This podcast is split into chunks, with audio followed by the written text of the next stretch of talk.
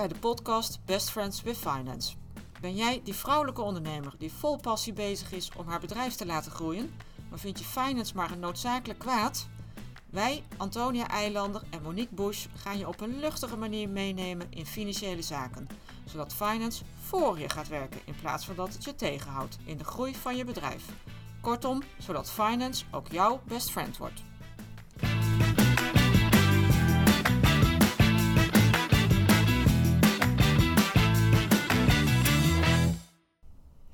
Welkom bij deze podcast. Superleuk dat je vandaag luistert. Antonia en ik hebben er heel veel zin in. Vinden het echt heel spannend.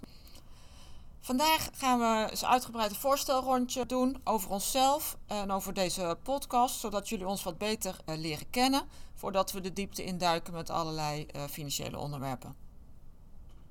Ja, nou ook voor mij hartstikke leuk dat je luistert. Uh, fijn dat je erbij bent. En ik wil jullie graag een beetje meer vertellen over waarom we deze podcast beginnen.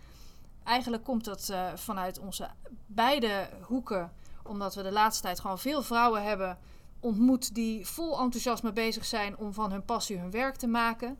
Ze hebben dan een waanzinnig goed idee voor een onderneming en precies waar de markt behoefte aan heeft. En dan nou ja, besteden ze ook veel tijd aan het laten groeien van hun business. Maar die financiële zaken die worden nog wel eens een beetje vergeten. Terwijl dat natuurlijk super belangrijk is. En dan hebben we het over zaken als hoeveel geld heb je nodig om je business te laten groeien. En hoe kun je je winst maximaliseren. Hoe weet je of je een investering of een investering die je wil gaan doen rendabel is? En hoe zorg je ervoor dat je goed voorbereid het gesprek met een bank of een investeerder aangaat?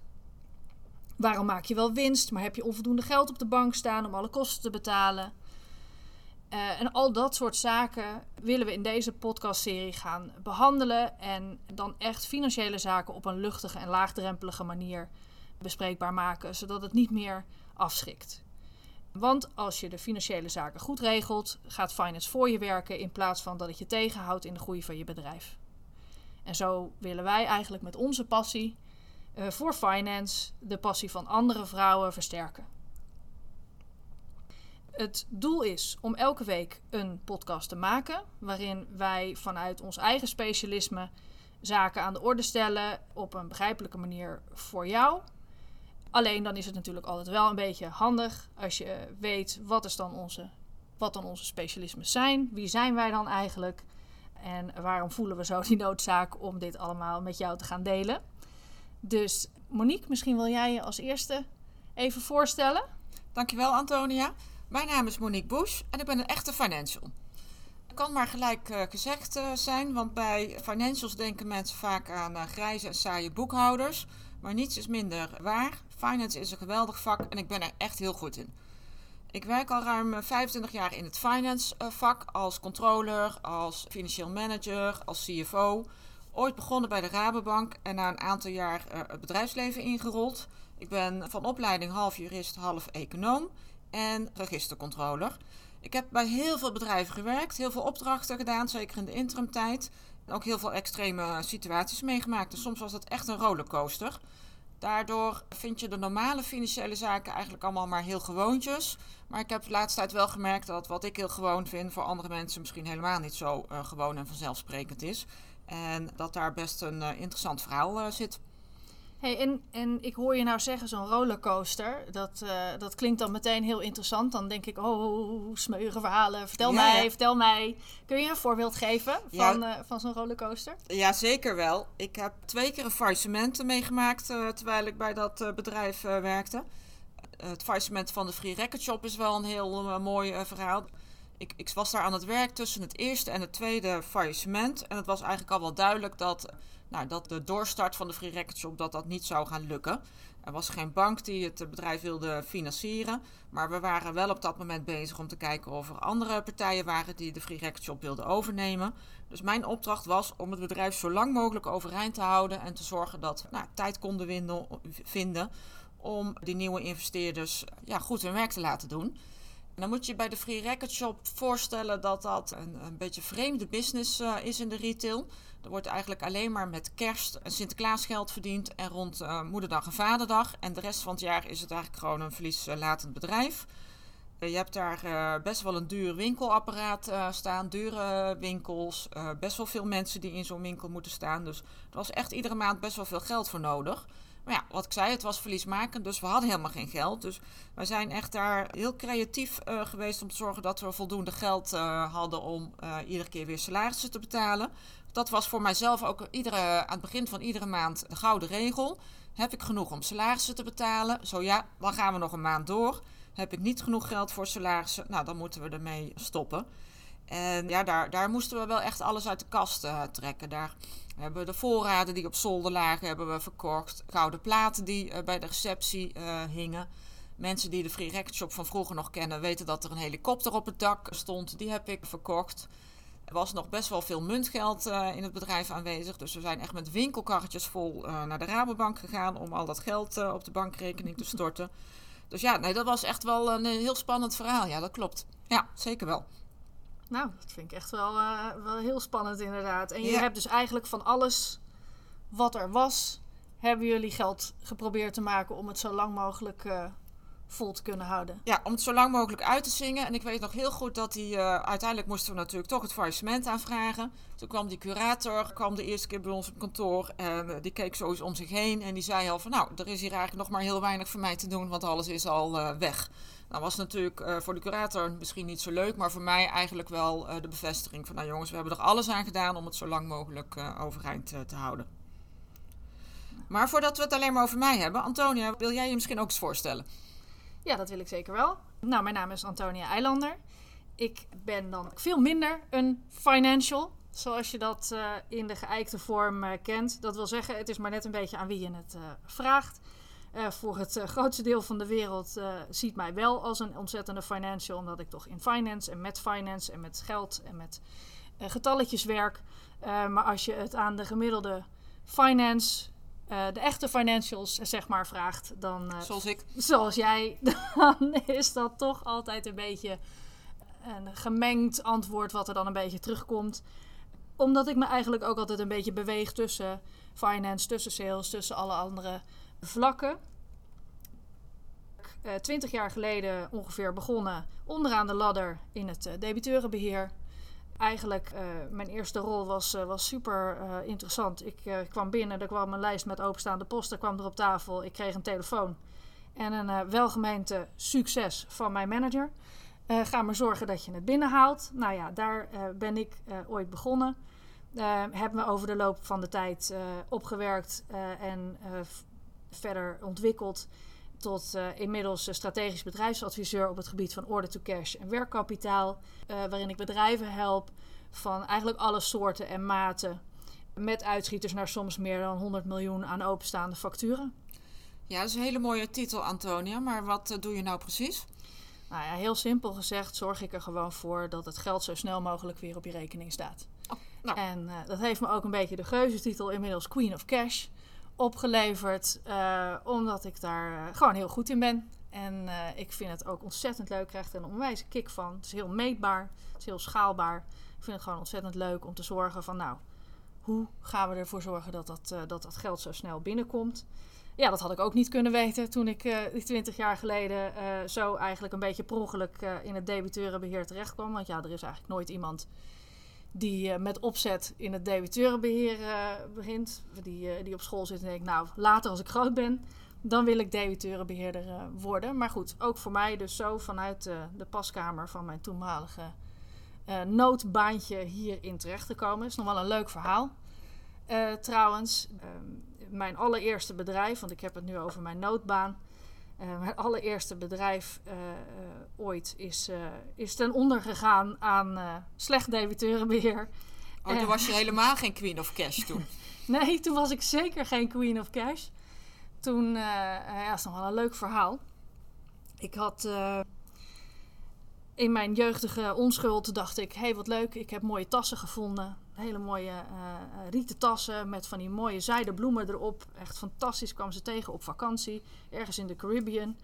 En uh, ik denk, nou, dit wil iedereen hebben. Dit, hier ga ik een bedrijf mee beginnen. Fantastisch. Ik was zelf helemaal verliefd op. Nou, en iedereen die mij een beetje kent, die weet van, nou, kom met een mooie tas aan en dan staat Antonia wel weer te stuiteren. Maar ja, goed, ik die tassen, business van bouwen en lekker oldschool. Heel erg bezig met, uh, met briefpapier en een logo. En uh, het moest allemaal tot in de puntjes geregeld zijn. Want ja, je moet dan toch wel gewoon je goed presenteren. Ik wilde dat. Ik moest dat natuurlijk ook als afproduct ging ik dat importeren. Vanuit de Caribbean, nou, je, de transportkosten alleen, daar, daar keek je als schil van. Ik kocht ze ook niet zo heel goedkoop in. Want ja, onderhandelen, dat vond ik ook allemaal nog wel heel erg spannend. Dat wist ik eigenlijk ook allemaal helemaal niet zo goed. Um, maar ja, lang verhaal kort. Ik zat dus met eigenlijk hele dure tassen. Die ik alleen maar heel high-end weg kon zetten. Dus daar was ook alles op gericht. Maar ja, als je dat wil doen, dan voel je ook... Ja, ik ga bezig met een logo. En ik wil mooie foto's van mijn tas. Het moet een mooie website. En het moet allemaal helemaal spik en spannen. Het moet er echt super snazzy uitzien. Want ja, anders... Ik geloof nooit iemand dat die tassen zoveel waard zijn. Mooi uh, uh, afzetbedrijven gevonden. Hele chique uh, boutiques in Amsterdam ging ik naartoe. God, ik zie mezelf nog lopen. En ik kwam daar binnen en ik zette die tassen uh, naast de Jimmy Choo schoenen die daar ook uh, verkocht werden. En nou ja, die eigenaar was helemaal lyrisch. Oh, zo mooi. En ik kan dat zo mooi samen verkopen. maar ja, ik nooit, nooit bij stilgestaan. Goh, moet ik die man eigenlijk laten tekenen voor die tassen die ik hier achterlaat? Ik, oh, ik moet een factuur sturen. Oh, dat moet ik eigenlijk meteen doen als ik ze heb afgeleverd. Nou, dat deed ik ook helemaal niet. En als ik dan uiteindelijk wel die factuur had gestuurd, ja, dan, dan betaalden ze niet. En dan dacht ik, oh, oh oké, ja, wat nu dan? En uh, ja, uh, ja, dat vond allemaal wel heel uh, eng en spannend. En ik had eigenlijk geen idee wat ik aan het doen was. Nou ja, lang verhaal kort. De hele boel ter ziele. Want ja, geen cash. Dus ja, dat was wel het begin van deze reis. achteraf gezien. En vanuit daar ja, moest ik dus gewoon aan de baan. En uh, kon ik gelukkig terug bij mijn, uh, mijn bijbaantje naast mijn studie. En uh, stond ik in de paskamer en werd ik daar uiteindelijk gestrikt voor het debiteurenbeheer bestaan.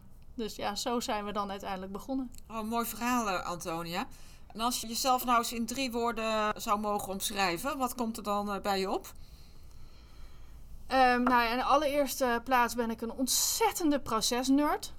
Maar dan ook echt heel erg. Ik, uh, ik, ik kan echt heel erg blij worden van dingen ontrafelen. Eigenlijk, uh, ja, met, met de kerstverlichting, uh, die laat ik aan mijn man over. Dat vind ik dan weer helemaal niks. Maar ik, ik ontrafel eigenlijk het liefst binnen een bedrijf de, de processen. En ik, ik, ik vind dat dan echt een kick om dan te vinden van, nou, waar loopt het nou net even niet lekker?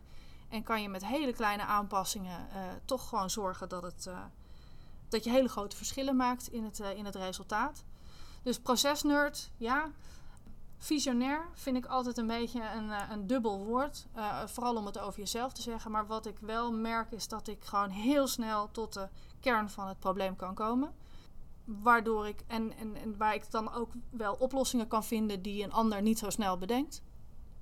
Dus ja, ik, uh, ik pak hem toch maar voor mezelf. En als derde ja, ben ik echt een right brain in een left brain world. En dat moet ik misschien even een klein beetje uitleggen. Maar ik ben best heel creatief. En uh, binnen finance, uh, want ik opereer dan toch vaak uh, het leeuwendeel van mijn tijd binnen finance wereld. Ja, dat zijn toch al een beetje de left brain. Die zijn altijd heel, heel erg met het hoofd. Heel erg, nou ja, autistisch wil ik niet zeggen. Maar Pas dat, dat, dat, dat, zijn ze soms wel een beetje. ik heb er wel met een paar gewerkt. Maar ik ben dat dus niet en ik zit heel erg aan de andere kant. Maar ik kan wel heel goed werken met, met ook de left brains. En um, dat maakt mij best wel effectief, omdat ik wel het aan beide kanten duidelijk kan krijgen wat er nou nodig is om tot een resultaat te komen. En, en heb jij ook, uh, Monique, heb jij ook uh, drie woorden? Want ik vind het wel een hele leuke vraag eigenlijk. Het is wel een uitdagende vraag. Ja, zeker, zeker wel. Nou, heb jij er ook drie? Ik zat al uh, meteen met jouw right brain in left brain world te bedenken. Van, god, dan ben ik zo'n left brain. En misschien ben ik dat ook wel. Ik, ben, wat, nou, wat ik, waar ik mee begon, mijn verhaal. Ik ben een echte financial. Ik ben extreem analytisch. Geef mij een balans of een verlies- en winstrekening en ik zie wat er aan de hand is binnen, binnen een bedrijf.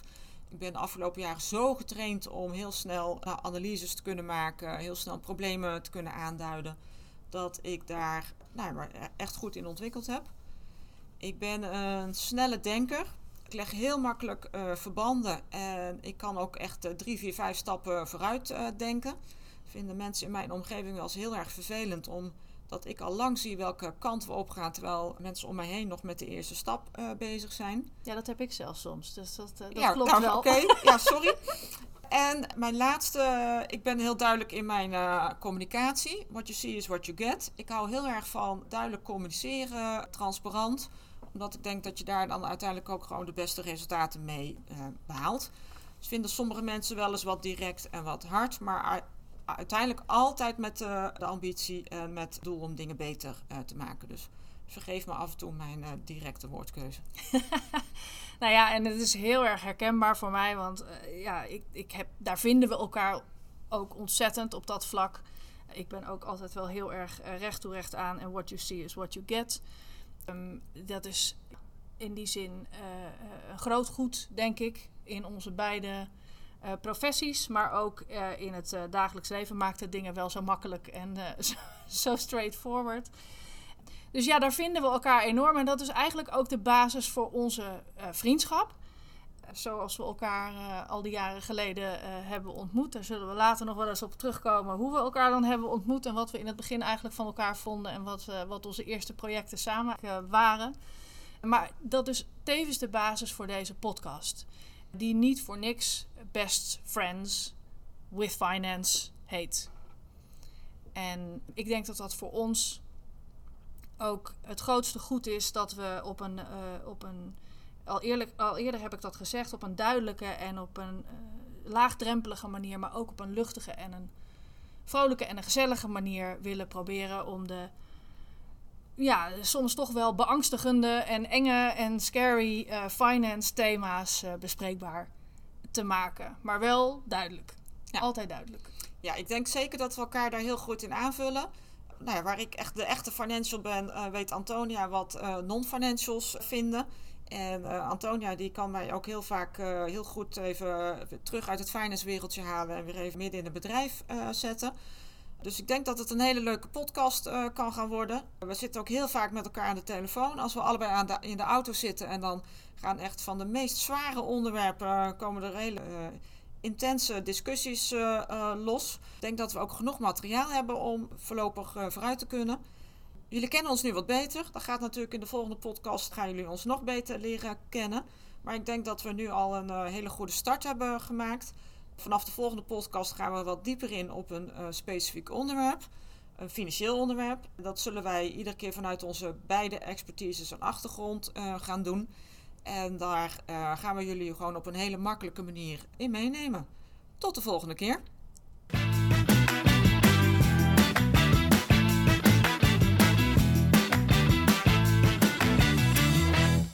Dankjewel voor het luisteren naar onze podcast. Dat vinden we superleuk. Als je onze podcast waardeert, zou je ons dan een review willen geven in de podcast-app. Dat kan door bijvoorbeeld 5 sterren te geven in Spotify. Daar zijn we blij mee en zo wordt onze podcast beter vindbaar voor andere vrouwen. En vind je het leuk om contact met ons op te nemen? Dat kan dan via LinkedIn. Tot de volgende keer.